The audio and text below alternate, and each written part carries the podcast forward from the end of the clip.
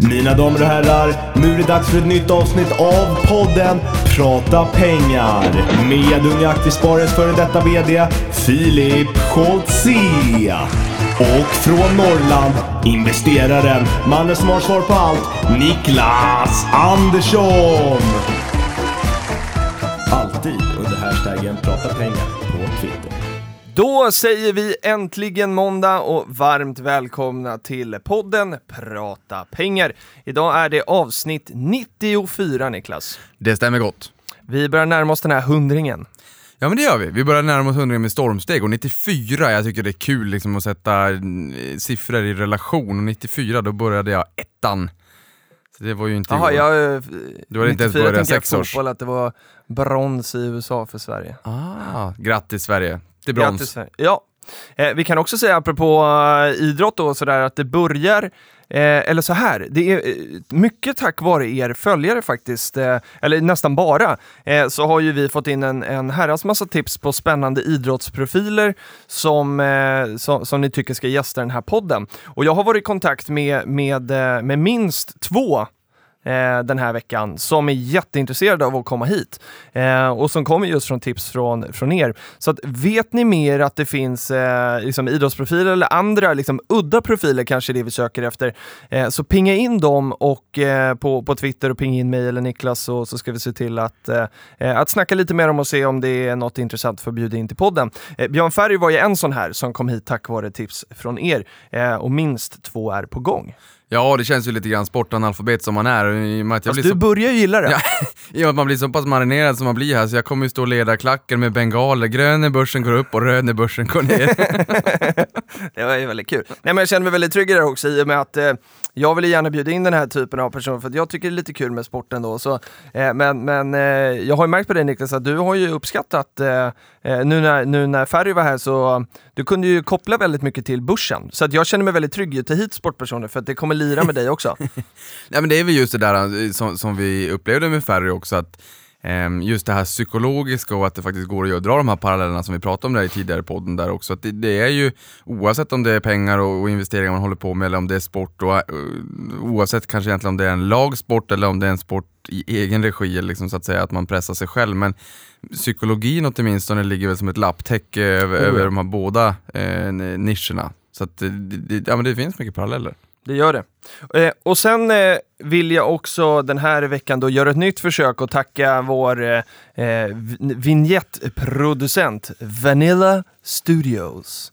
Var det rätt nu? Ja men nu satt den! Nu satt den. Eh, hen har gjort den här då vignetten som ni har för andra veckan i rad då eh, i och med det här avsnittet. Vi är jättenöjda med den, tycker den är jättekul. Eh, och, och det har trillat in eh, någon eh, och annan vignett till, så att vill ni liksom producera och skicka in till oss så, så gör gärna det. Vi lyssnar på allt eh, och vi svarar på alla vignetter som kommer in också såklart. Eh, för det, det, det är lite, där har man ju verkligen gjort en effort alltså. Ja men det har Så man. de, de, de plockar vi ut särskilt och prioriterar. Ja, nej, men det, vi, vi tycker verkligen om det, för det är ju det är ju som du säger Filip, det är mycket vi ska tacka våra lyssnare för och just en sån där grej att man tar sån där tiden och, och, och, eh, och, och ordnar det, det är ju, tid är det finaste man kan ge någon, Ja, och där, kan man säga. Exakt, och eh, Eh, det är så här, och det, jag menar inte här med att liksom vi prioriterar bort det eller någonting sånt där, men, men allting som kommer in i alla våra kanaler från er följare, eh, vi, vi läser allt. Och, och det menar jag verkligen, jag säger, eh, där, där ljuger jag inte, utan vi, vi läser faktiskt allt som kommer in. Sen är det eh, tyvärr helt omöjligt för oss att svara på allt. Eh, i, framförallt det som kommer via mail, för att det är väldigt, väldigt långa mail ofta och eh, ja, det, det, det, det tar för lång tid för oss att svara på. Så vi hinner inte med, men vi läser allting som kommer in, eh, så jag ville bara säga det. Ja det blir som det där nyckeltalet, RSI, Relative Strength Index. Ibland så man brukar säga att om det ligger in den eh, på 70 så är börsen lite överköpt. Man tar det som ett gummiband, liksom, hur många dagar det har gått upp och hur många dagar det har gått ner. Liksom. Och, och, ehm, och är det ligger på 30 brukar man säga att det är översålt. Och det, här kan ju också vara en, en temperaturmätare på hur ont i magen vi har och dåligt samvete vi har just när det kommer in mycket och vi känner att vi inte har tid att svara. Men vi, vi sparar ju faktiskt alltid en backlog. Det gör vi. Ehm, så vi tar ju inte heller bort någonting förutom Nej. att vi läser allting. Eh, och förhoppningsvis så kan vi återanvända. Så det kan ju också vara så här att man har skickat in någonting för ganska länge sedan och sen så i ett kommande avsnitt så tar vi upp det. Ja, det är inte alls lite- omöjligt. Nej, det är inte omöjligt.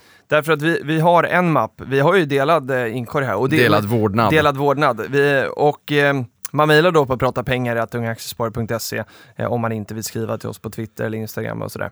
Ehm, eh, men, och då har vi en som heter ej besvarade och en som heter besvarade. Eh, så att där finns en, en jättelång backlog. Jag går in och, och, du går in varje gång vi ska göra ett program här eller eh, på, på Avanza där vi jobbar annars och gör lite samma sak. Eh, så, så, så kikar vi alltid vad det kommit in för frågor och mejlen eh, kollar vi alltid igenom. Hur som helst, vi eh, glömde också en annan grej förra veckan och eh, det var att eh, kommentera att vi hade en ny klippa till klippare. Eh, den nya klipparen till klippare eh, var ju Rasmus och Rasmus är kvar på en aktiesparare. Men han var liksom eh, in between innan den nya Patrik kom. och den nya Patrik är nu på plats. Han är uppe från norr. Är det Norrland eller Lappland? Eller, jag kan ju inte de där gränserna riktigt. Kan du det Niklas? Det, ja, Norrland. Norrland. Och eh, från Skellefteå va? Från Skellefteå, vilket då... Det är Västerbotten. Ja, okej, Västerbotten. Och eh, med väldigt ödmjuk och trevlig igen och nu är han på plats då för andra podden i rad. Eh, Oskar Lindgren, varmt välkommen till, eh, till den här familjen. Och, och, nu har du ingen mick, men vi, eh, vi kommer bjuda in dig någon gång. Och så får du komma och snacka lite så vi får höra dig också. Det låter underbart. Mm. Och då Han ger tummen upp här borta. Ja, tummen upp. Man kan ju säga så här, Oskar Lindgren, OL, hans, hans initialer. Vi hade ju lite grann med, med Ulla Andersson och, och Vänsterpartiet och ostbågar och allt vad det är. Vi ska inte gå in på det, lugn lyssnar.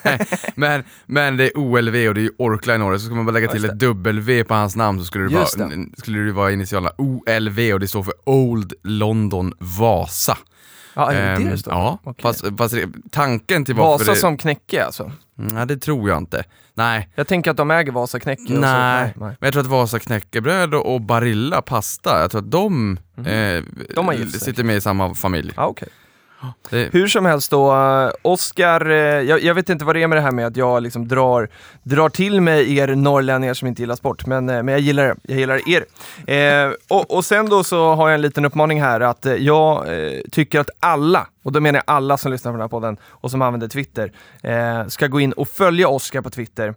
och han heter Oscar Lindgren 88.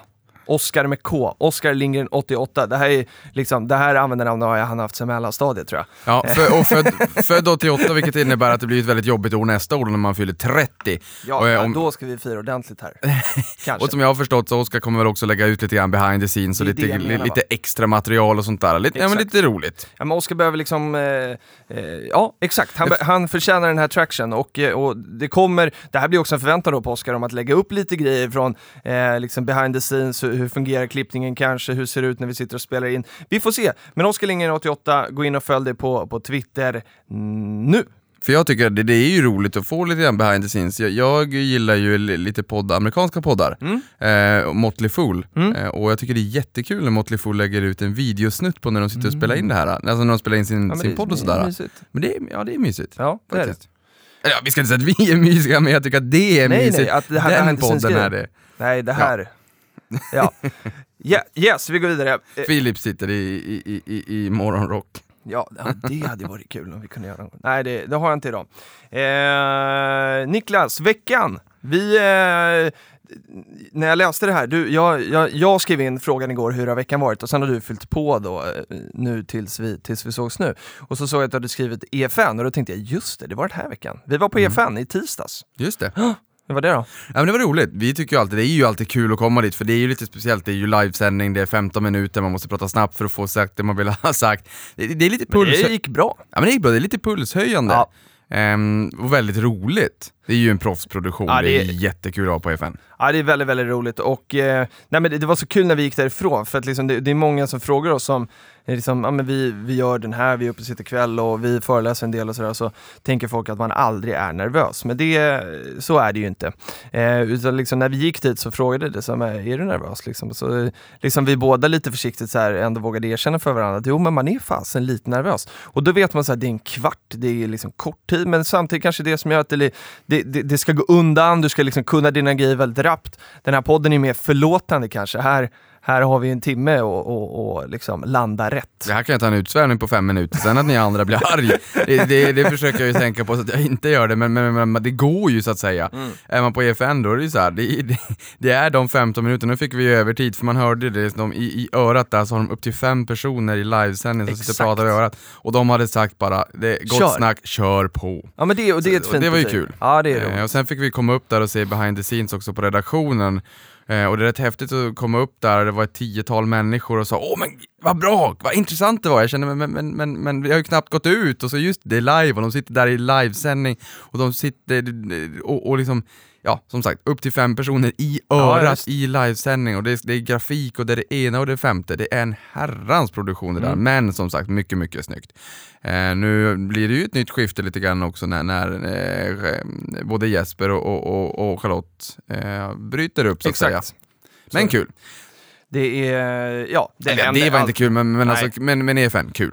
EFN är roligt. Gå Ja. in på efn.se, vi är inte sponsrade och så kan ni eh, kika på det här om ni vill titta på det här avsnittet. Och det vi gillar allra mest, ja vi gillar väl allt, men alltså det, det vi pratar om just här och nu, det är ju börslunch. Ja, börslunch. Så Så, att gå, in, EFN gå in och så tryck program Ja. och sen börslunch. Och så kan, och det, man kan också hitta det på Youtube. De är fantastiskt duktiga.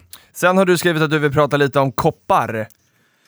Ja, Att du, är det bara en eh, snabb kul anekdot om eh, det- längd i bil? Ja precis, nej men det är bara en snabb kul anekdot. För vi har ju träffat en, en, en herre som heter Anders på Mm. SCB som ska vara liksom, ett bollplank för oss då och komma och prata lite råvaror i vårt, i vårt vanliga jobb då i Avanza Play. Just det. Och eh, det här tycker jag har varit så roligt därför att eh, någonstans så, så eh, vi håller ju på med aktier och sådär och, och råvaror är väl liksom inte, eh, inte min gebit helt enkelt. Jag tror Filip fick något litet sms där man undrar om det är någon Nej, jag liten jänta. Nej men jag trodde jag hade Nej det var juristen jag blir, Nicolas jag, Cortes. jag blir så nyfiken. Men, men, men då, då, hade, då, då kom han att prata råvaror så att säga och det är kanske inte vårt gebit. Men man kan ju också tänka att det finns ju många producerande bolag som är beroende av råvarupriser i insatsvaran i produktionen. Järnmalm för, för stål och eh, kanske kaffe för Starbucks så att säga när man ska rosta kaffe och, och kisel för Intel och AMD som tillverkar processorer. Det är mycket insatsvaror. Ja. Och jag, vet, jag kommer att tänka på i matvarubutiken här för något halvår sedan, år sedan, två år sedan kanske det var, eller tre år sedan. Eller fyra år. jag skojar. Det var ett antal år sedan. Då var det kaffe som hade skenat jättemycket och så sa man åh herregud, nu blir det inget mera kaffe. För nu kommer kaffe gå upp så mycket så att nu kan man liksom, inte ens kaffe kommer man ha råd med här i livet. Inte nog med marginalskatt. Fast i och marginalskatt har man råd med kaffe. Men, men sen händer det liksom ingenting. Om det inte Nej. är så att bolagen tjuvar och, och höjer lite grann, för vissa bolag kan ju terminssäkra det. råvarupriserna och då kan sådana här spikar komma att priserna skenar upp eller ner men det påverkar inte för att man har säkrat priserna och sånt där pratar vi om i, i, i råvaruklippet i introduktionen. Och sen första klippet, för då tänkte vi vi grottar ner oss i en viss given råvara vid varje klipp därefter och så var det då koppar. Mm. Och koppar, vi kom ju in väldigt mycket på elektrifieringen Ja. och liksom elbilar. Och då sa Anders att här på 50-60-talet, då hade man ungefär 60 meter koppar i en bil. Ja men ni kan ju tänka er att det var ju en liten, liten, liten, liten tunn kopparkabel någonstans från i hytten där man satt och upp till en liten lampa som man hade lite... Man sprang lite, ju sprint 60 meter på jumpan, gjorde man inte det? Ja, 100 meter tror jag vi sprang. Jag Ja, vet vi sprang bara ni 60. fjollträskare sprang. Ja, vi sprang bara 60. Ja. Men, men då, ja, så det är i alla fall en, en, eh, något relaterat till hur långt Och- 60 meter är. Ja, och, och idag i en vanlig bil så var det upp mot ett- 1,6 kilometer. Exakt. Och pratar vi van, rena elbilar så var det flera kilometer. Och pratar vi elbil, elbussar eller ellastbilar så får du gångra det flera gånger om igen. Exakt. Så att, nej, jag tyckte det var väldigt häftigt att just hur pass mycket koppar, man kan tycka kopparpriset vad det som driver långsiktigt, men det var upp till tre gånger mer eh, koppar i en elbil och upp till 10 till Eh, 15 exakt. gånger mer koppar i, I i en bussar och lastbilar. Ja, det är fantastiskt.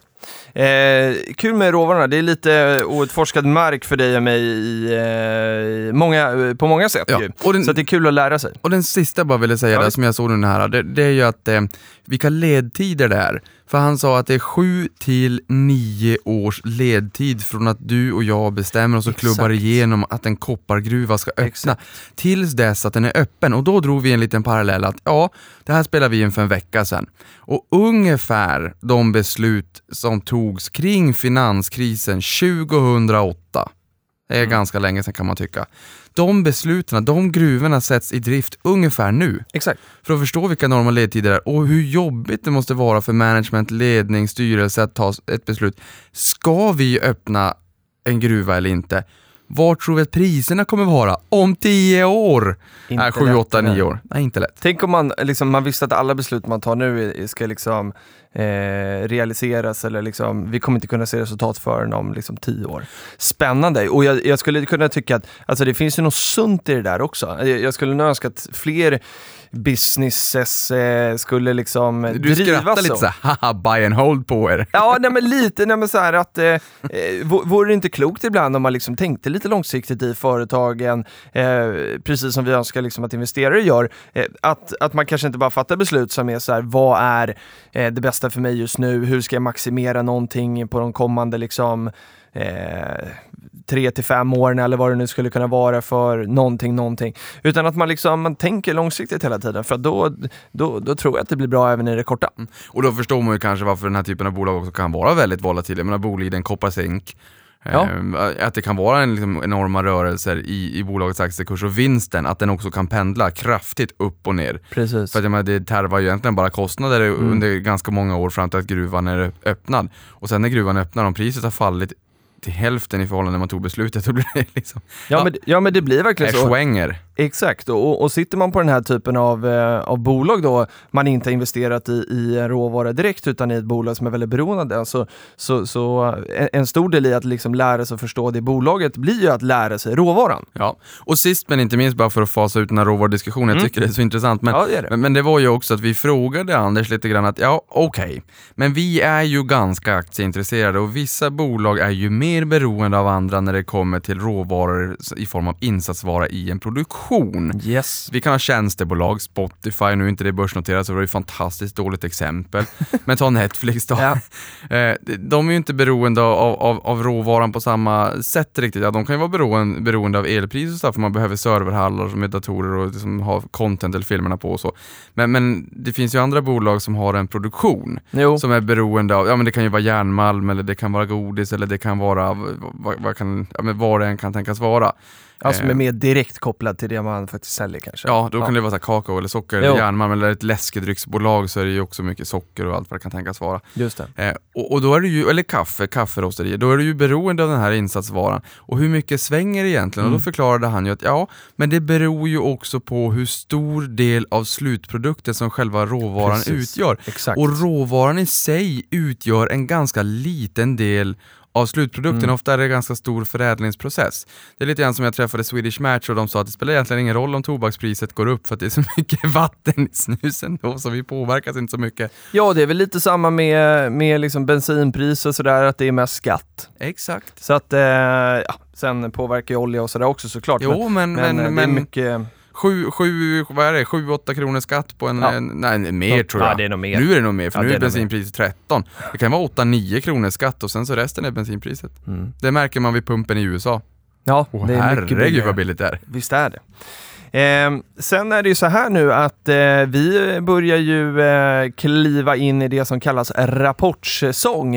Eh, och, eh, och vad vi menar med det är ju att eh, alla börsbolagen eh, rapporterar lite nu och då. Inte alla exakt vid varje eh, liksom kalenderkvartal för att vissa har ju lite brutet och sådär. Men, men de allra flesta jobbar ju med kalenderår och då är det eh, det tredje kvartalet är ju eh, slut. Eh, vi är ju inne i oktober så fjärde kvartalet är, är på gång och då är det dags att få höra snart hur gick det då i det tredje kvartalet som då blir eh, juli, augusti, september va? Stämmer, ja. Japp. Oj, vilken fin. Ja, men nu kommer man in i målbrottet. Bättre sent än aldrig. Ja, och då är det ju så här, vi fick en fråga i EFM bland annat hur noga vi läser de här kvartalsrapporterna och eh, handen på hjärtat så, eh, så svarade jag där då att eh, det är sällan som jag liksom går in och läser de här jätte- jättenoga, men jag tycker det är kul att plocka ut, liksom, eh, ofta räcker det med pressmeddelanden tycker jag, eh, för där, där får man reda på liksom vad var förväntat från analytikerna, eh, hur blev eh, utfallet på liksom de viktigaste nyckeltalen och kanske någon liksom vd-kommentar. Eh, och, och det tycker jag ofta räcker, men då kan det vara bra att veta liksom, vilka siffror är det och vilka nyckeltal är det som ofta är vanligt förekommande och det tänkte vi gå igenom här då. Exakt, och sen kan man ju, precis som du säger där då, eh, just när det kommer till kvartal, kvartalsrapporterna, ja, man kan väl säga så här att ska man ta ett investeringsbeslut och, och, och vill läsa på lite mer kring rapporter och sådär, ja, men då kanske vi kan rekommendera att eh, årsredovisningarna Jo. är vettiga. Och sen blir väl kvartalsrapporterna kanske mer av en uppdaterande karaktär och att Precis. man som du säger, man läser vd-orden och hur går det lite grann de här mjukare faktorerna. Men är det så att man nu har en förkärlek till att köpa fallande knivar och problembolag eller bolag som har fallit mycket men där man tror att nu, håller, nu har- får de det här på rätt köl, nu kommer marginalerna förbättras och, och bolaget kommer på bana igen. Ja men då är det ju betydligt mycket viktigare att, eh, att eh, kolla in kvartalsrapporterna också. Det gör inte, vi köper inte den typen av bolag, Nej. jag, men Ehm, och, och då får man ju titta på någonting som, som man i branschen kallar för TTM, Tore Tore Martin, så trailing 12 months. Rullande Ehm, 12 månader. Väldigt, väldigt bra. Eh, och, och, och jag skulle säga, jag skulle säga roligt även. Eller, och då kan man väl säga, jag det är väl jag- alltid de senaste 12 månaderna. Jag, jag pratade fikonspråk och sen så kom du bara och, och, och ehm, eh, försvenskligade det. Är bra Filip. Ja men då har vi hittat den här perfekta kombon. Där vi Exakt. både utbildar och förklarar. Sen är inte rullande 12 månader heller kanske superenkelt. För att jag, du och jag satt och tragglade det här bara för Ja. ett par veckor sedan. För att jag var så här, men, eh, för jag satt och kollade på ja, någon, någon siffra någonstans. Eh, och, och bara Niklas så här, vad är det här TTM igen? Liksom, det står helt still i skallen. Och så liksom, bara, men, ja, men nu, nu, nu måste det här verkligen liksom sitta. Och så tragglade vi det där lite fram och tillbaka. Liksom. Och, eh, och det är ju de senaste 12 månaderna. Ja, för det vi sa där, och det, det är liksom bra, nu hade jag säkert kommit till det ändå, men det, det är bra att du liksom försvenskar, för det är så otroligt mycket finanslingo i den Ja, här och det är världen. inte helt eh, intuitivt vad det Nej. då betyder. Det är Nej. väldigt enkelt när man väl kan det. Men sen, eh, sen när man liksom ska förklara, så här, okej men vad betyder det egentligen Ja. då? Så, så ja. Ja exakt, och vi kommer ju ha ett poddavsnitt framåt kan jag tänka mig. Nu bara sitter jag här och lovar ut, men jag hoppas ju i alla fall att vi kanske kan ha något avsnitt där vi går, går igenom lite finanslingo, för det finns mycket. Men när ni läser, Ja, årsred, när ni läser årsredovisningar, när ni läser kvartalsrapporter så brukar det ofta stå längst bak i de här, så brukar det stå en, en ordlista eller en terminologilista där det står de, de olika nyckeltalen och olika termerna de använder som driftsöverskott och driftsnetto och allt Mm. vad det kan vara i fastighetsbolag och så står det exakt vad det är för att olika bolag använder dem på lite, lite, lite olika sätt. Det finns ett litet, eh, eh, en liten potential för tolkningsföreträde Mm. bland bolagen. Det kan ett nyckeltal på två bolag, kanske till och med två branscher, kan vara lite, lite, lite olika. Alltså man kan titta vad, definition, definitioner, definitioner ja. så står det. Eh, Nåväl, så det, det är intressant, tra- eh, trailing 12 months, rullande 12 månader, för att är det så att man, man är nyfiken på ett bolag eh, och tittar på det här den, 20, den 30 december, för det är väl sista börsdagen allt som oftast på året då. Eh, tittar man på 30 december 2017 så blir det ju lite kanske missvisande om det är så att man tittar på 2016 års årsredovisning, för den är ju maximalt gammal då. Då vill, då vill man ju snarare titta på, och jag menar 30 december, då har vi bara Q3, för Q4 är ju inte slut. Den 31 december när vi skålar in det nya året och allt vad det kan tänkas vara, på nyårsnatten, då, då, klubb, då Ja. stänger man ju så att säga böckerna.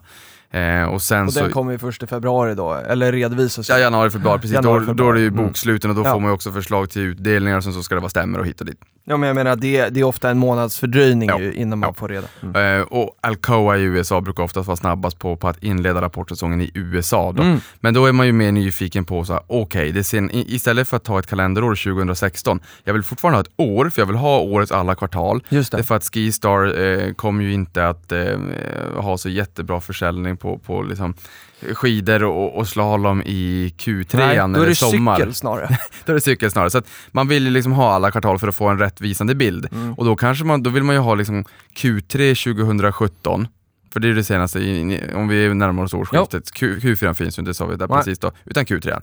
Och sen så Q3 2016. Mm. Då får man ju ett år. Men det är ju inte så att man bara får ett kalenderår som är ganska Nej. obsolet, utan man får de senaste 12 månaderna. Och, och, och det, är, det, det säger nog förmodligen mycket mer. Mm. Speciellt om man vill ha den här fingertoppskänslan och vara inne i bolag och man tror att det kanske ska vända och så, då är det ju nästan livsnödvändigt att köra TTM istället för Ja det är ju det. Sen är det så viktigt här också att eh, man, eh, man ju jämför, och det är det du är inne på, alltså, med jämförbara perioder. Alltså så att du jämför liksom samma period med samma period. Så att, I och med att många bolag, precis som du säger med Skistar, har säsongsvariationer ju så. Vissa kvartal är det snö och då kan man sälja skipass och andra är det inte och då får man eh, hyra ut cyklar.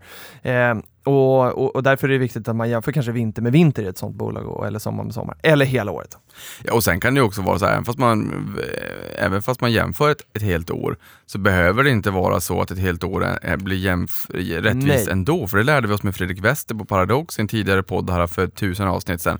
Det finns längre cykler. Det finns längre cykler och deras cykler var ju två år exempelvis. Att man, så här, nya titlar, alltså speltitlar, där de kommer om ungefär 18 till 24 månaders eh, perioder för att eh, vartannat år, ungefär som iPhone kommer med sina S-versioner, alltså en, en liten uppdatering Ja, av den tidigare eh, telefonstocken så Mm. brukar eh, spelbolagen inte sällan komma ut med expansioner av tidigare titlar.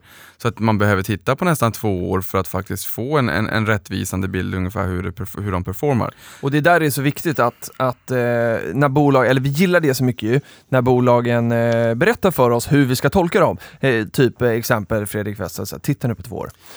Ja, och det, det är sånt här som eh, media ofta missförstår. Mm. Man förstår inte riktigt hur man ska tänka kring bolagen och då kan jag tänka mig att VD är ofta ute och försöker förklara det här. Exakt. Och även få ta frågor i conf-callen, alltså conference call efter rapporterna när man, när man kan då ringa in och lyssna till hur de, när de går igenom rapporten och, och, och ställa lite frågor som analytiker och även som sparare. Mm. Ehm, jag vet inte om det är tänkt som sparare, men jag brukar gå in i dem där ibland och så, så skriver jag bara. Ja, det är bara att köra tror det är jag. bara att köra, Ja, jag tror det också. Just för innan vi bara går in på nyckeltalen Mm. så får vi inte glömma en grej. Eller ni får inte glömma en grej som följer här.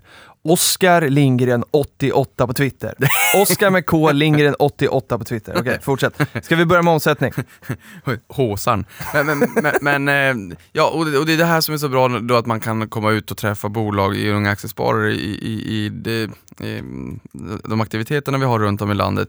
För att då kan man ju ofta få en känsla för så här, men vad är viktigast för bolaget? Vad är värdedrivarna? Vad, vad, vad driver vinst? Etc. etc. Eh, och Det här har inte alltid media koll på. Men man får en annan koll när man träffar bolagen. Jag tycker det är kul, precis som vi sa med Väster nu, för det är ju en podd för liksom tusen avsnitt sedan, det där har ju satt sig. Ja, Vi vet ju. jag vet. Det är digital skrev fel på det där. Mm. Det var därför han gick ut och köpte 41 337 aktier. Elite. For Elite, för att han varit arg för att man skrev fel.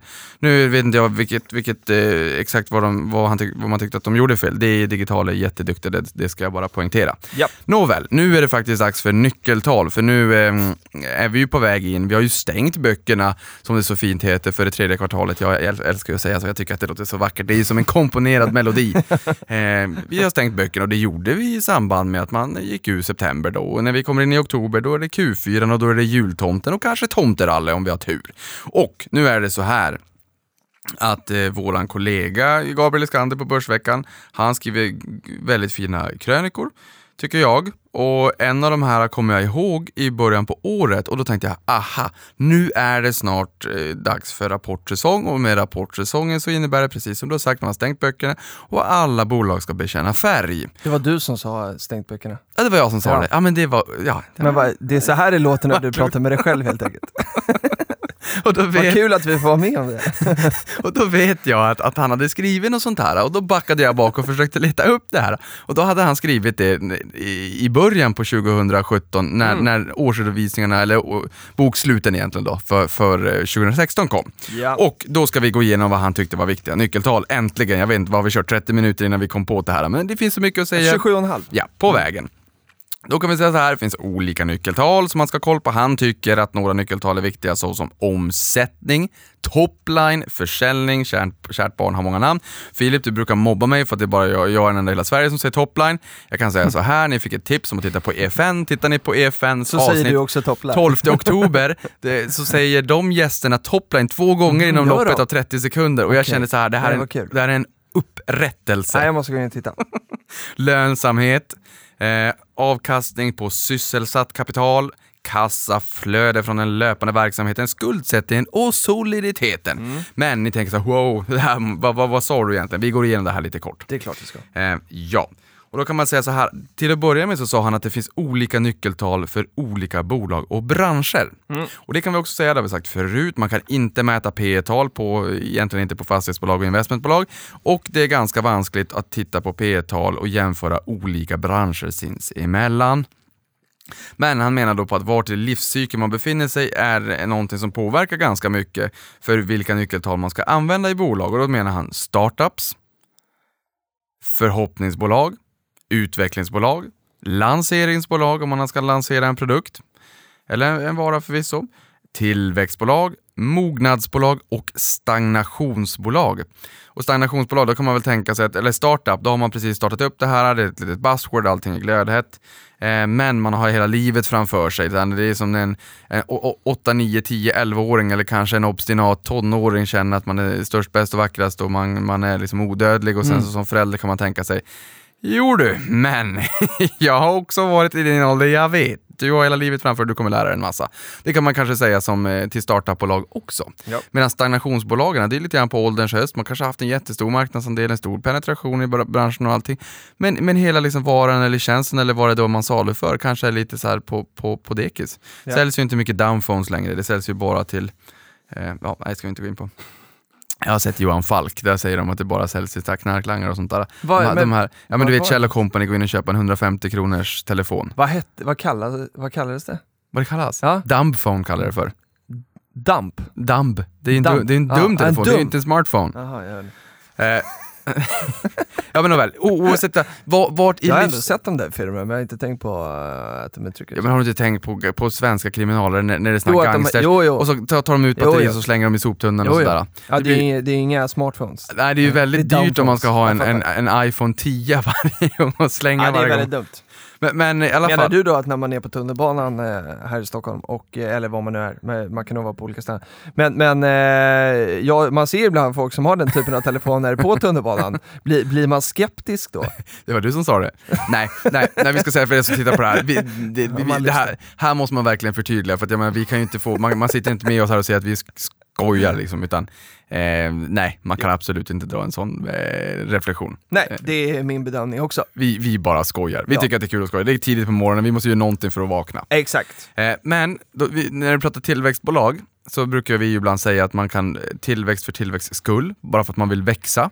Eller lönsam tillväxt. Och det här ser man ju i vissa bolag som har haft en tillväxtresa och sen så säger man att nu är det dags för lönsam tillväxt. Mm. Och, och börsen brukar ju värdera den här typen av bolag lite olika beroende på vilket skede man är i. Ja. Sätt en fintech-stämpel på ett finansbolag och du får en helt annan värdering direkt. Yes. Sätt ett mju en, mjukvaru, en mjukvaruvärdering på ett bolag som tidigare har haft perceptionen från investerarna att det har varit ett hårdvarubolag. Vet vilket jag tänker på? Nej. Apple. Gå från P9 till P16, 17 direkt på ett år. Mm. Nåväl, Men alltså, men här, jag vill stanna lite där, för det här är, det är en jäkla skillnad på, du kan ju växa som bolag enormt mycket och, och liksom genom att hålla ner liksom marginalerna då på något sätt, alltså inte lönsam tillväxt. Eh, man kanske prisar, eh, prisar sig till tillväxt för att man liksom har lägre priser eller vad det nu är. Sådär. Och så har man så strategi att så här, ja, nu ska vi liksom bara växa, växa, växa, växa och sen när vi kommer hit och bort, då ska vi liksom eh, ställa om så att vi kan, eh, så att vi kan gå med vinst. Och, och det är ju inte alls lika spännande som när du har den lönsamma tillväxten hela vägen. Därför att blir du då blir du ett bolag som, som bara jobbar på tillväxt och sen ställer om eh, då, och börjar mjölka sen, ja hur ska de liksom ta sig vidare därifrån då? Så jag gillar mycket mer den här lönsamma tillväxten. Då känns den ju långsiktig, annars känns det som att man har en plan. Nu ska vi liksom bygga upp det här och sen ska vi pumpa ut pengarna när vi väl kommer dit. Genom att liksom eh, eh, effektivisera saker och ting eller vad det nu skulle kunna vara. ja, lönsam tillväxt är väl kanske liksom drömmen så att säga, men Det är det fina guldet. Eh, det, ja, det är det fina guldet. Men jag menar, är du en teleoperatör eller säger säg att du ska starta en ny dagligvarukedja i Sverige, där kommer du ju aldrig kunna ha lönsam tillväxt eh, från början och innan du Nej, det är klart. positionerat det och Nej, sådär. det är Men, klart. men jag menar, precis som du säger, det finns ju vissa bolag som kanske har en moat eller en ekonomisk vallgrav eller någonting som gör att du faktiskt eh, fastnar för bolagets produkter och som gör att du känner att du inte riktigt kan byta. Mm. Och, och, och då kan man ju ha en lönsam tillväxt. Eh, om man har lite som ett, en, en monopolistisk konkurrens eller vad vi ska säga. Eh, Mm. Jo men jag tänker bara så här att det bolaget som sen väljer att ställa om och då så här, okej nu ska vi, eh, nu har vi liksom nått en tillväxt Ta som vi Qliro, trodde. CDON Group, Qliro. Det var tillväxt, tillväxt, tillväxt. Ja. Och även från Kinneviks sida, som är lite den typen av bolag, det var tillväxt som gällde. Sen gick man ut i marknaden och sa några år senare att nu ska vi fokusera på lönsam tillväxt. Då tog det inte fart. Mm. Nej, nu har det exakt. tagit mer fart med Qliro som är liksom ska konkurrera lite grann som ska Klarna Mm. åt, det, åt det hållet. Nu har det tagit lite fart, men man gick ut och sa på Mm. samma sätt där. Nu är det lönsam tillväxt som gäller. Exakt. Ehm, Och det behöver inte vara helt enkelt, men säg att de inte hade sagt att nu ska vi ha lönsam tillväxt, utan nu ska vi bara bli lönsamma. Eh, och och då, då har du så här, okej, då kommer du säkert få, få ett högre aktiepris för att du helt i, i, liksom börjar visa på, på vinst och kanske börjar dela ut pengar. Men, men sen tar det ju stopp. För Ja. att sen kan du ju inte liksom fortsätta få aktien att gå upp i pris om du inte liksom fortsätter ha en lönsam tillväxt. Så att lönsam tillväxt är ju liksom, eh, det är ju nyckeln för, eh, för att det ska liksom, ja men aktien ska kunna uppvärderas över tid. Så att, eh, Ja, och lönsam tillväxt, då, då, då, eller bara, bara vara lönsam, ja men då, då, då blir man ett Telia. Ja men det är det jag menar, det, Ja. är liksom, det är det jag vill åt. Och Så då, och, då, och, då, exempel. och då stannar man på en platå. Yes. För to, eh, Telias försäljning har inte riktigt sådär, den har inte varit så jätterolig. Telias vinstutveckling har inte varit så jätterolig. De är på en platå, de delar ut en stor del av resultatet, de har en hög direktavkastning, men så, så stannar du där. Mm. Ja. Du stannar i det finansiella börs, börsfähiga ekorrhjulet. Och det behöver inte vara fel. Alltså, det kan ju vara så att det passar en strategi att äga den typen av bolag, men, men man ska bara vara väldigt medveten om det. Ja, vart i bolagets livscykel de befinner sig. Och det är, Telia befinner sig i, i en cykel och eh, ett mindre bolag, eller ta Qliro där som exempel, befinner sig i en helt annan. Eh, Men, men eh, ja, och det brukar finnas lika många investeringsfilosofier som investerare. Nåväl, nu går vi in på omsättning. Kul. Och då tycker Jaha, han... vi har inte kommit längre så. Nej. Nej. Och då tycker man, han att man ska titta på historiken och titta fem år bakåt för, för att försöka bedöma stabiliteten i försäljningsutvecklingen i tillväxten. Eh, tillväxt, eh, det kan ju vara i många olika led. Här är det tillväxt top line. Och när jag säger top line, varför det heter top line, jag tror att många av er känner igen bottom line. Eh, det är så på sista raden, men, men, men eh, top line, det är ju så på första raden. Det är ungefär som att säga lön in på kontot, det är top line. Sen har man lite skatt som man ska betala på sin inkomst och man har lite direkta kostnader för sålda varor, eh, om det är ett produktionsbolag eh, som man har på eh, på, när man är ett bolag och sen så har man en eh, bruttomarginal. Och den bruttomarginalen det är ungefär vilka pengar vi har kvar efter, efter lön och sen så får vi bestämma hur mycket sparkvoter vi ska ha och vad vi ska använda pengarna till. Nåväl. Stabiliteten och tillväxten i omsättningen. Man vill ju gärna att, tillväxt, att omsättningen ska stiga. Och du och jag tycker, och det som driver aktier långsiktigt är ju att vinsten stiger. Men om inte försäljningen stiger, om du inte kan lyckas sälja för 200 kronor imorgon eh, jämfört med 100 kronor idag, ja men hur ska då vinsten kunna stiga? Jo, det är bara genom att skära kostnader och det är inte långsiktigt hållbart. Därför är du eh, otränad och har mycket fluff i fluff, ja du kommer ju kunna träna dig tills du är nere på ett benrang eller om du skulle vilja liksom inte ha muskler utan bara så. Men till slut så går du inte mer. Nej. Försäljningstillväxt, omsättning är som syre. Det är det som är råmaterialet för att kunna skära lite kostnader som du behöver för att kunna driva din rörelse och sen generera vinster ifrån. Ehm, så att, och sen så vill, man, vill han också att man ska bedöma produkternas eller tjänsternas framtidsutsikter, rådande trender, konkurrens och nuvarande marknadssituation och potential. Telia, ganska dominerande i marknaden, eh, kanske måste försvara marknadsandelar. En liten uppstickare som är hungrig och på hugget kanske äter marknadsandelar. Och det allra bästa det är ju kanske om det är en strukturell tillväxt i en bransch där hela branschen växer väldigt mycket. Ta artificial intelligence, som, om man nu kan kalla det för bransch, som växer ganska kraftigt hela, hela Det är ingen branschen. slump att det, det var just den som låg top of mind. Nej, jag har fastnat för det där. Ja. Och sen så kanske man brukar kunna läsa att bolag vill växa snabbare än branschen och branschen i sig växer väldigt snabbt. Det är ungefär som att komma in i den här, eh, den här E4 om ni har sett Hitta Nemo, de här sköldpaddorna. Mm. När, när du åker i, när, när vattnet forsar jättefram, den här E4 i vattnet. Ja men ni som har sett Vi Hitta Nemo, ni fattar, ni fattar forsen. Sen har vi lönsamhet och oftast så mäts det som rörelsemarginal och det är ju alltså efter att alla kostnader med, med, eh, med personal och, och lokal och julfesten och allt det där. Fi- Filip, du visste att jag skulle säga julfester. Och man kallar det för ebit eh, i branschen, det är engelska termen, earnings before interest and taxes.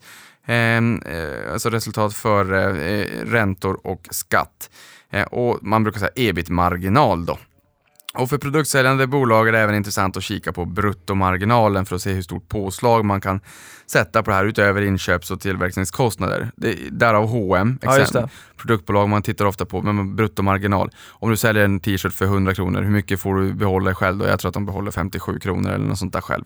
Så man ska täcka massa kostnader, personal och lokal och allt sånt där. Sen har vi avkastning på sysselsatt eh, kapital, alltså pengar i arbete. För en gång när du och jag gjorde någon liten eh, eh, pilot till SVT, det. eh, då, då sa vi att Nej, det vi... var inte SVT. Nej, det var, det var ett ungdomsgäng som... Jag försökte komma, jag och Oskar stod och pratade om det här, vad, vilket produktionsbolag det var och jag kommer inte ihåg.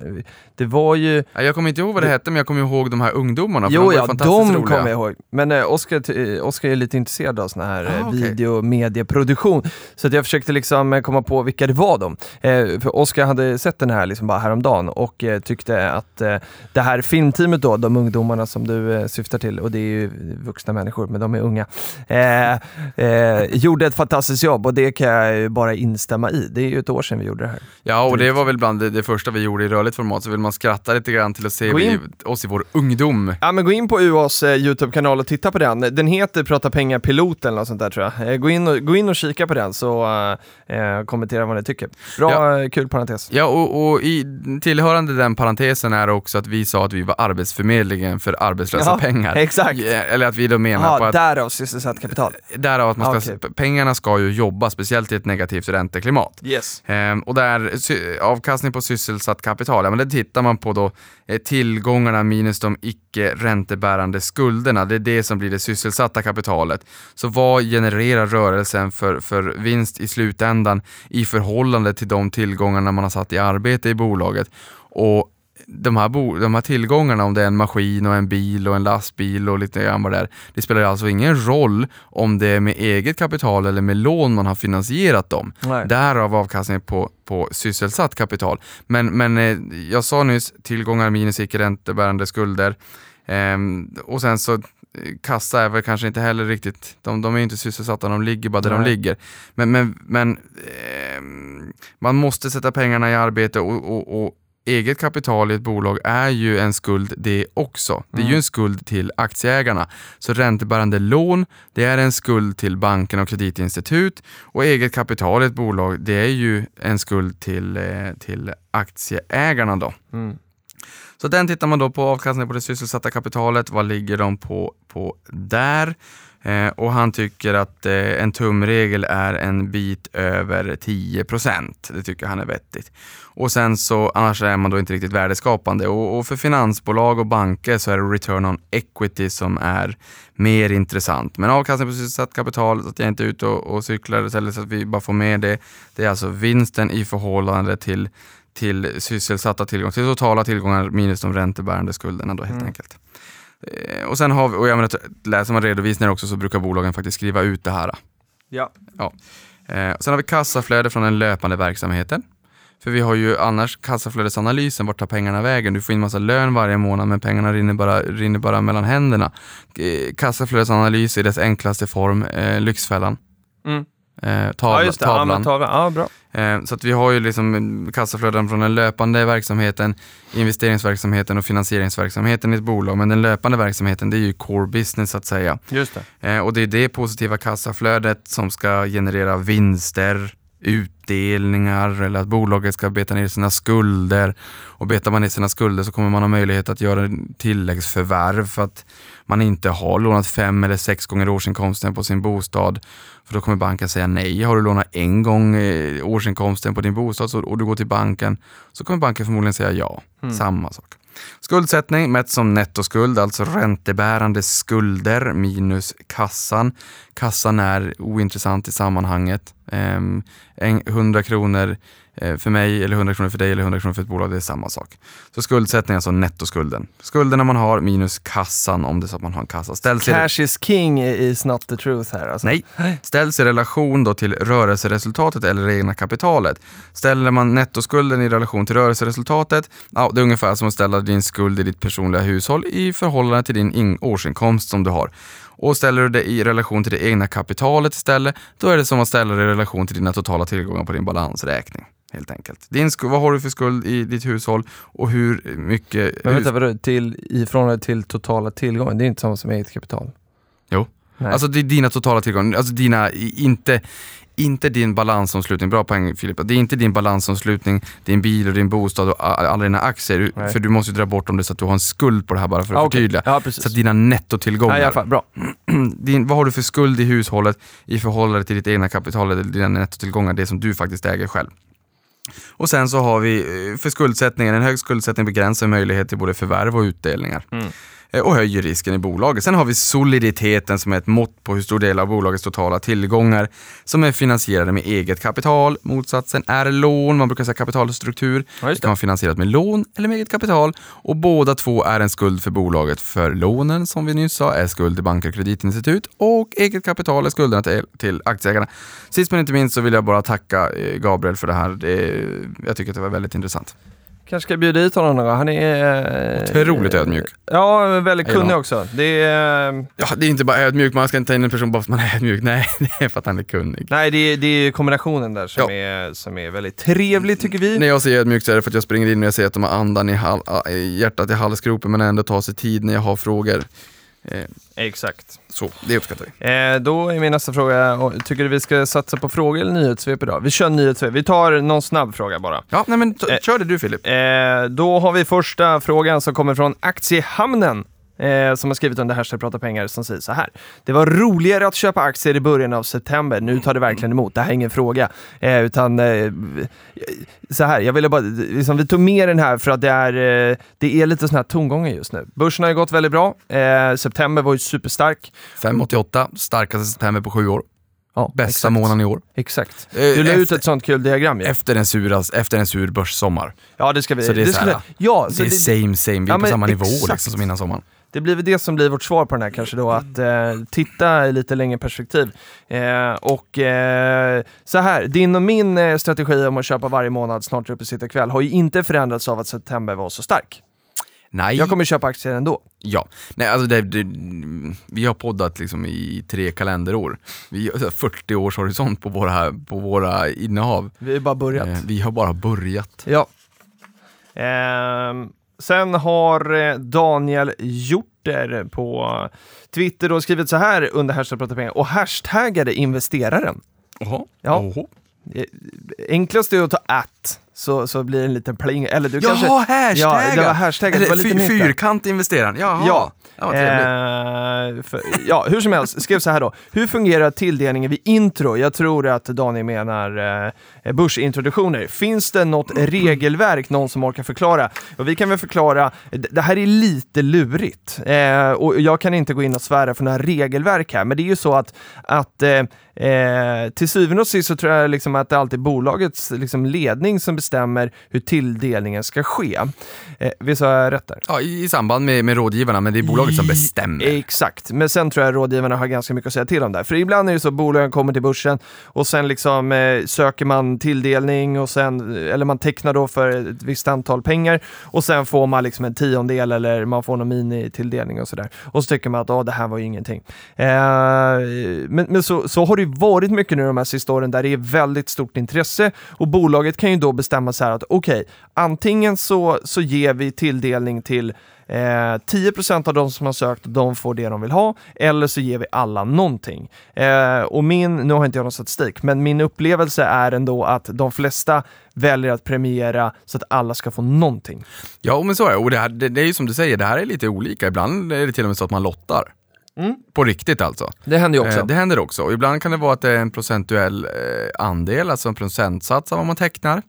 Och ibland kan det ju vara så, säg att det kommer in, eh, inte vet jag, familjen Persson eller Lundbergs eller eh, Gustav Douglas. Ja, man säger faktiskt Douglas. Just det, jag, jag tänkte bara, vad säger han? Alltså, Ja. Eh, säg att de skulle vara nyfikna på ett bolag och gå in som storägare eller en, en, en någorlunda stor ägare. Ja men självklart så kommer ju de att få en, en större del av kakan då. Det är nästan självklart i alla fall. För man vill ha den typen av ägare på, på ägarlistan. Eh, och ibland kanske man vill ha institutionellt kapital och ibland så är det så här att man känner att nej, men vi vill ha många småsparare eller privatsparare då Filip. Eh, för att vi vill ha ägarspridning. Så det beror lite grann också på vad bolaget vill ha och vad rådgivaren säger. Och vad, hur, men, men, men vi har ju haft eh, liksom en kultur den senaste tiden av att IPO-späcka eller spekulera i börsintroduktioner. Jag gör inte det, du gör inte det. ehm, ja, jag kan inte säga, jag har gjort det några gånger, men nu är det nog ett eh, år sedan, jag tror Leo Vegas var Nej, THQ, förlåt. THQ, för ett år sedan var nog det senaste jag var med i. Fy skäms. Men, men, men, men- då, nej det är inte fel. Och vi har ju pratat med Adam Kostiad, noteringschef på Men jag Nasdaq. sålde den direkt och det var dumt, för den har gått väldigt bra sen. Ja, vi har pratat med Adam om det här också, så det kan man se ett klipp på, på Avanza Play, vad, vad han tycker om just det här med att IPO-späcka. Ibland kan, kan det också vara bra att faktiskt kanske ä- gå in för att äga bolagen långsiktigt och ibland så, eh, så kanske man inte ska äga det alls, så får man ingen tilldelning. Ja då Filip, då måste man ju antingen bestämma sig för, ska man bara ha en liten slatt i portföljen, eller ska man öka på, eller ska man sälja Ja, av? det är ofta därför jag har sålt av. Och, så här, och jag har varit med några gånger också för att jag tycker det är väldigt kul att lära sig. Och det är väldigt spänn det är stor spänning den här morgonen då när den ska in på börsen. Och så här, det skapar lite liksom, intressant adrenalin. Inte alltid jättekul men, eh, men, eh, ja, nej, men så här, det är, det är lära och pengar. Jag, vissa har gått upp och vissa har gått ner och liksom sådär. Och nu har jag inte gjort det på ett år. Eh, för att jag inser att det här är nog inte riktigt min grej. Så. Du gillar de där finansiella, där finansiella eh, eh, pulsen där, Ja, det är som det är en kul. hejaklack bengaler på plattan. Nej, bengal som kastar, inte- står nu är det öppningskod, wow! alla fick 100 aktier och det kommer öppna jättebra!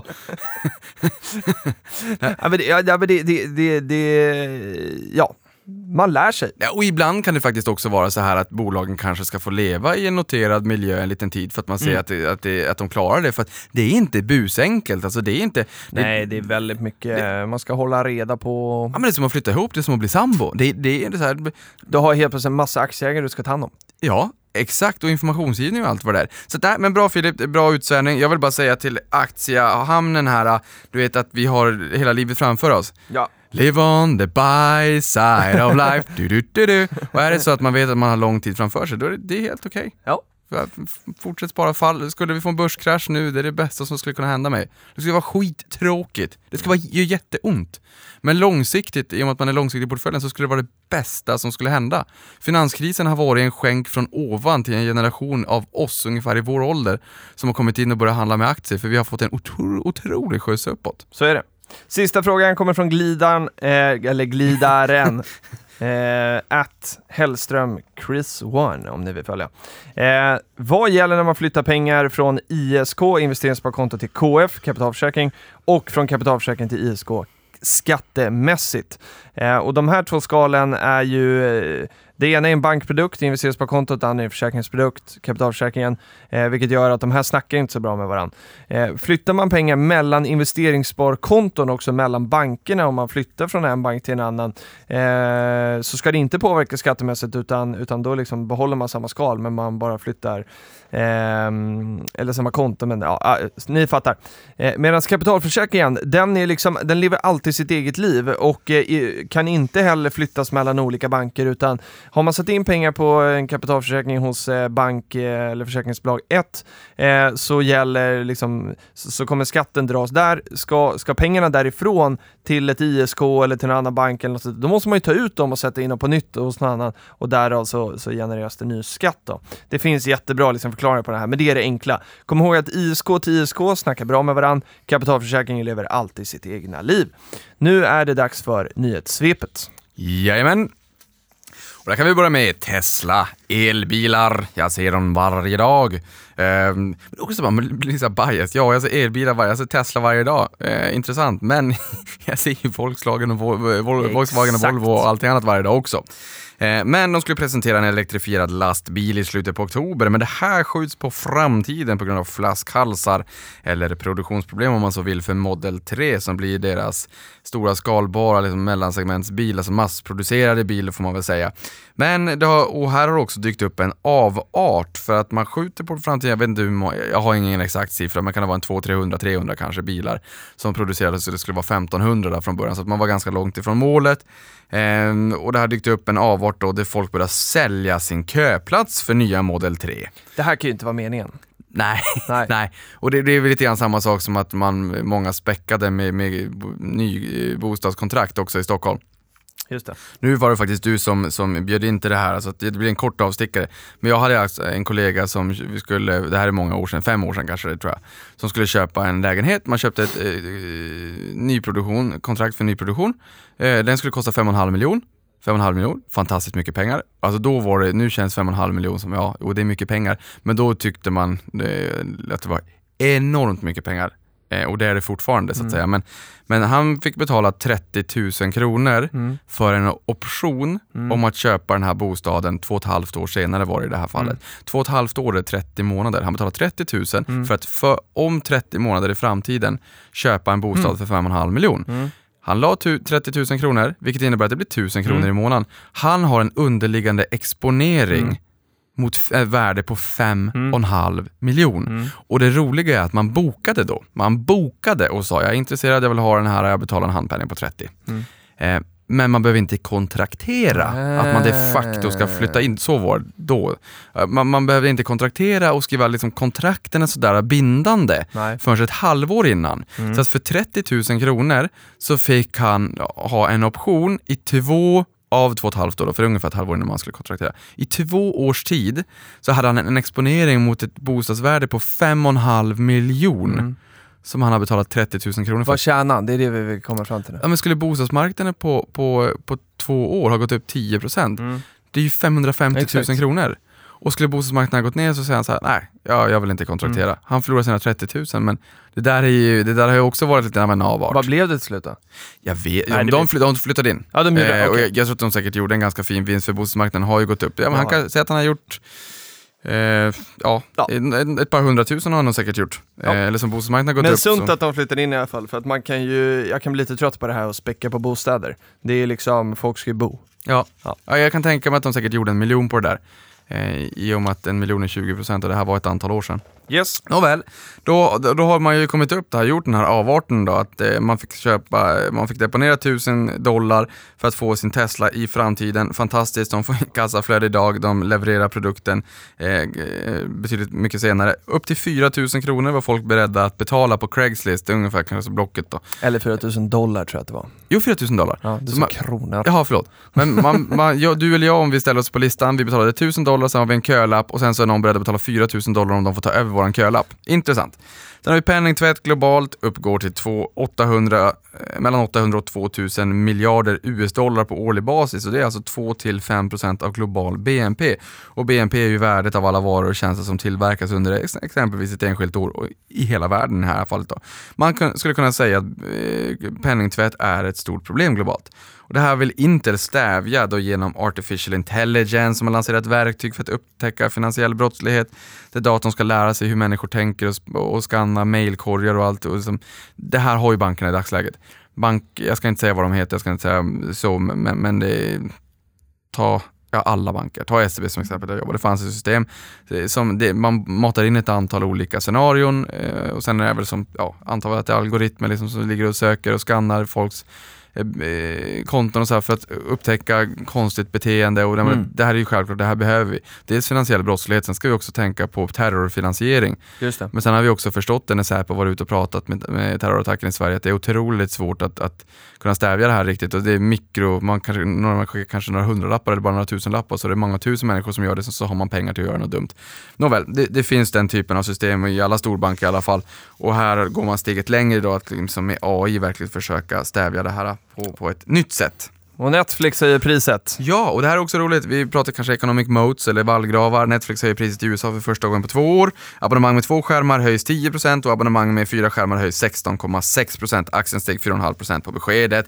Eh, moat, ekonomisk vallgrav. Man är så pass beroende av det här så spelar det ingen roll att man höjer lite grann. Och min fråga till dig Filip. Hur mycket skulle priset behöva stiga på Netflix, Spotify eller en iPhone för att du skulle fimpa de produkterna? Vet inte. Eh, men jag, jag fick det där mejlet från Netflix om att priset skulle gå upp och jag bestämde mig för att ha kvar tjänsten. Det här är rätt Är intressant. ju också aktieägare. Ja, men det här är rätt intressant, för att priset kan gå upp ganska mycket på Netflix för att man skulle välja att avsluta det. Priset kan gå upp ganska mycket på, på en, en telefon för att man ska välja att inte köpa den nya, så här 500 kronor på en telefon. Ja. Det är ändå några procent, men här, man skulle nog inte avsluta det. Jag tror att net, Spotify skulle kunna gå upp ganska mycket utan att man skulle avsluta det. Nåväl, vi måste skynda oss vidare. Pensionsbolaget Allras huvudägare Alexander Ernstberger är begärd häktad. Enligt Expressen i, på nyheterna igår såg jag att det fanns risk för att han skulle fly landet, trodde de, och därför häktar man honom. Jättebra, bra att man rensar ut sån här skit på, på ren svenska. Sen har vi McDonalds, noterar kursrekord efter en dubbel cheeseuppgång på 43% senaste året. Market cap över 1000 miljarder eh, och det hade alltså varit störst i Norden om det hade varit här, eller tre gånger så stort som H&M. Det är kul ibland att ställa eh, sådana här saker i relation. McDonalds är alltså rätt stort, de har väl 37 000 restauranger worldwide också. Kinas motsvarighet till Amazon, Alibaba, har stigit 105% i år och i tisdags, eh, tisdags, tisdags gick marknadsvärdet om Amazon och därmed säkrades titeln om vär, som världens största e-handelsbolag, i alla fall under dagen. Jag tror att Amazon tog tillbaka det där sen. Men backar man tillbaka 831 dagar 2015 så var Alibaba under en längre tid större än Amazon faktiskt. Sen har vi Wallenstams beslut om att omvandla ett BRF, ett bostadsrättsprojekt, Orangeriet, till hyresrätter. Man tycker att det har varit lite jobbigt, det är lite, vad ska man säga, ehm, det är ehm, inte samma tempo, det, har svalnat lite grann i bostadsmarknaden i Stockholm. Eh, och Sverige. Så att man har faktiskt valt att eh, säga så att det här skulle bli bostadsrätter, vi gör om det till hyresrätter istället. Det har bara hänt två gånger tidigare, 2008-2009. Eh, förväntningar är allt, man får lite ont i magen, folk förväntar sig att priserna ska gå ner. Vi ser att det här har liksom redan slagit rot. Många bostadsutvecklare utvecklare har fallit hårt på börsen. Sen har vi grattis till Sveriges Warren Buffett, Per och Börjesson. Substansvärdet på Spiltan passerar 10 000 kronor per aktie. 2012 så var den 692 kronor, nu har den alltså passerat över 10 000. Fantastiskt. Eh, sen sist men inte minst, för nu har jag, oh, jag, det är så roligt, för jag, nu tittar jag så här på, på, på klockan eh, och, för en gångs skull i världshistorien så ska jag hålla tiden. Så, stat, ja, så det jag vill säga är att kryssningar har varit jättepoppis i år. Det är en eh, Kryssningsbolag Worldwide, Royal Caribbean upp 52%, Norwegian Cruise Line upp 38%, Car Carnival upp 28%. Ganska intressant, långkryssningar, det vill säga över 180 dagar, boomar. Vi har en befolkning 50 plus som har mycket pengar och vill ha upplevelser likväl som ungdomarna. Eh, om man ska äga kryssningsbolag eller inte har ingen aning, men det var en spännande reflektion. Sist men inte minst, cash is king. Warren Buffetts bolag Berkshire Hathaway har 33% cash. Eh, man hade 40% cash 2006 innan krisen. Frågan är hur mycket cash har du? Ställde mig på Twitter. Jag har ingenting, Filip har ingenting. Tack för detta avsnitt. Det har varit fantastiskt att ha med er under den här fina morgonen. Det var nio sekunder kvar, åtta sekunder kvar. Vill du fylla de sista sex sekunderna Filip? Nej, alltså vi kommer ju alltid över tiden i och med att vi har både ett intro på en halv minut och ett outro också. Så det, det, det, är någon vi gap. ska börja säga 55 minuter kanske. Men, men det är någon gap, det, det lägger vi på, det är jämförelsestörande poster. Så kan det vara. Eh, ha en bra vecka hörni och eh, för guds skull glöm inte att eh, följa Oskar Lindgren88 på Twitter så att han blir glad och så att ni eh, får se lite vad som händer behind the scenes. Jag har sett att han har haft telefonen uppe här så att det är inte helt omöjligt att det ligger något nå innehåll där redan nu. Vi hörs igen nästa vecka. Ha det gott. Hej då. Tack för en fantastiskt trevlig morgon.